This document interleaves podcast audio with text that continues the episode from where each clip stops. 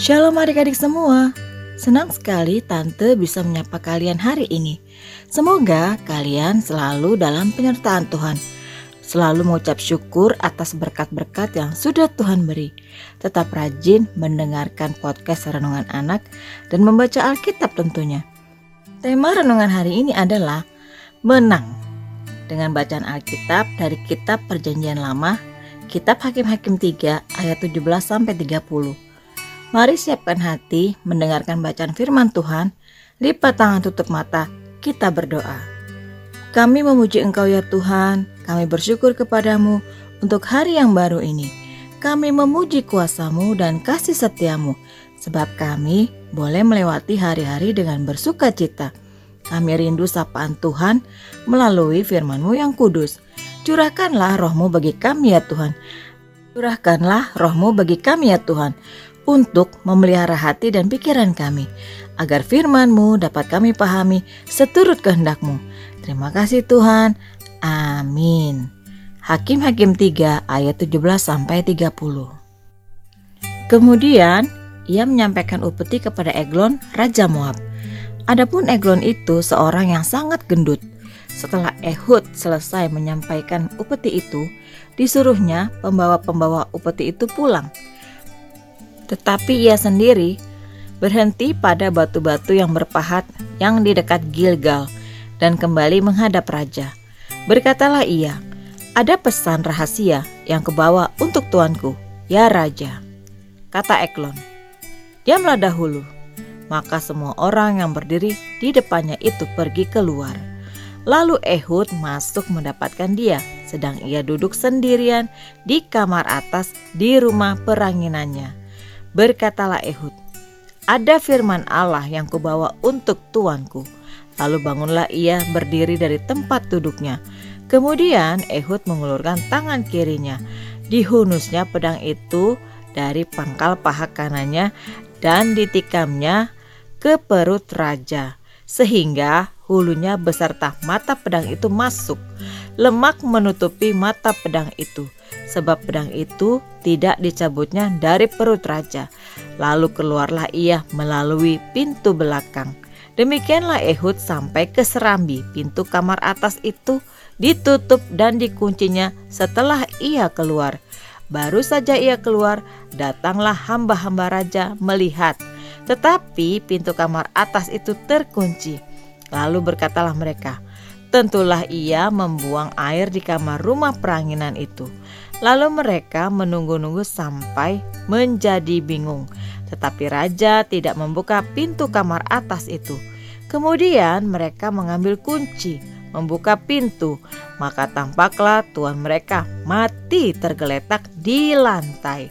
Sedang mereka berlambat-lambat, Ehud meloloskan diri. Ia lewat dari batu-batu berpahat dan meloloskan diri ke arah Seira setelah ia sampai ke sana, ditiupnyalah sangkakala di pegunungan Efraim. Lalu turunlah orang Israel bersama-sama dengan dia dari pegunungan itu, dan ia sendiri di depan. Berkatalah ia kepada mereka, "Ikutlah aku, sebab Tuhan telah menyerahkan musuhmu, orang-orang Moab itu, ke dalam tanganmu." Maka turunlah mereka mengikuti dia Lalu mereka merebut tempat penyeberangan sungai Yordan ke Moab dan tidak seorang pun dibiarkan mereka menyeberang. Pada waktu itu mereka menewaskan kira-kira 10.000 orang dari Moab. Semuanya orang yang tegap dan tangkas. Seorang pun tidak ada yang lolos. Demikianlah pada hari itu Moab ditundukkan oleh Israel. Maka amanlah tanah itu 80 tahun lamanya. Demikian firman Tuhan hari ini. Adik-adik, Ehud terlahir dengan tangan kidal, yaitu Ehud melakukan aktivitas dengan menggunakan tangan kiri. Hal ini dianggap sebagai sebuah kelemahan atau cacat pada saat kelahirannya. Namun Alkitab mencatat bagaimana Tuhan memilih dan memakainya sebagai penyelamat Israel. Pada saat umat Israel merasakan tekanan dan penderitaan yang berat, mereka berseru kepada Tuhan untuk memohon pertolongannya. Lalu Tuhan menjawab mereka melalui Ehud, sang pengantar upeti Israel kepada Moab. Sebagai pengantar upeti, Ehud memiliki peluang untuk menyelamatkan Israel. Kelemahan fisik Ehud yang lahir dengan tangan kidal tidak membuat Ehud menjadi lemah atau minder. Teladan dan sikap Ehud layak kita contoh. Ia merespon panggilan Tuhan dengan segenap kemampuannya. Tuhan memakai Ehud sebagai alatnya untuk menyatakan kemuliaannya pada bangsa Israel. Tuhan memberi Ehud kemampuan dan keberanian menghadapi Moab dan Tuhan telah memberikan kemenangan kepada Ehud dengan menyerahkan musuh-musuhnya yaitu orang-orang Moab itu ke dalam tangan Ehud. Demikian juga dengan adik-adik semua. Jangan menyerah pada kelemahan yang ada. Sebaliknya, mari tetap melakukan yang terbaik untuk Tuhan dan sesama. Dengan demikian, adik-adik akan melihat dan merasakan karya Tuhan bekerja secara nyata. Dengan begitu, Tuhan akan dimuliakan. Tuhan akan memberikan kemenangan apabila kita selalu bersyukur untuk setiap kelebihan dan kelemahan yang ada pada diri kita. Semuanya ada untuk kemuliaan Tuhan. Kita tidak boleh berhenti untuk menjadi lebih baik. Di buku renungan, adik-adik bisa lihat bagaimana Ehud membunuh Raja Moab. Gambar 1, sebelum berangkat mengantarkan upeti, Ehud menyembunyikan pedangnya di kaki kanannya. Gambar 2, pada saat menghadap raja, Ehud berkata, "Ada pesan rahasia untuk raja."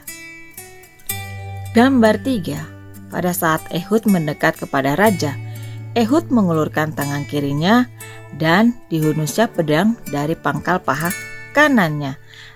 Sehingga raja berteriak kesakitan. Gambar 4. Ehud meloloskan diri melalui pintu belakang dan sampai di serambi pintu kamar atas kamar raja.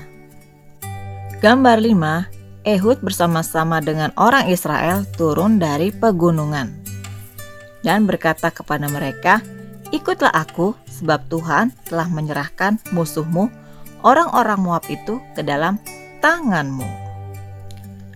Adik-adik, kira-kira apa yang membuat Ehud tetap percaya diri meskipun ia berbeda? Karena Ehud mempunyai sikap yang baik dengan merespon panggilan Tuhan dengan segenap kemampuannya, sehingga Tuhan memberikan Ehud kemampuan dan keberanian untuk menghadapi musuh. Apakah adik-adik pernah diperlakukan tidak baik karena berbeda dengan yang lain? Apa yang adik-adik lakukan saat itu? Kebanyakan orang pasti pernah mendapatkan perlakuan yang tidak baik di lingkungannya. Apabila adik-adik juga pernah mengalaminya, hendaknya adik-adik selalu bersikap positif dalam menghadapi perlakuan dan situasi yang tidak mengenakan tersebut dengan cara membuktikan bahwa dengan kelemahan dan kekurangan yang ada pada diri adik-adik, adik-adik mampu melakukan karya-karya yang baik. Mari kita ucapkan bersama-sama. Aku mau melakukan yang terbaik untuk Tuhan. Sekali lagi, aku mau melakukan yang terbaik untuk Tuhan. Mari kita berdoa. Bapa di surga, kami tahu Tuhan telah memberikan yang terbaik bagi kami. Kami mau menggunakannya untuk melayani Tuhan. Berikan keberanian dan kekuatan. Terima kasih Tuhan, dalam nama Tuhan Yesus. Amin. Demikian renungan hari ini. Kita mau belajar dari sikap Ehud, jangan menyerah pada kelemahan yang ada. Sebaliknya, mari kita tetap melakukan yang terbaik untuk Tuhan dan sesama. Tuhan Yesus memberkati.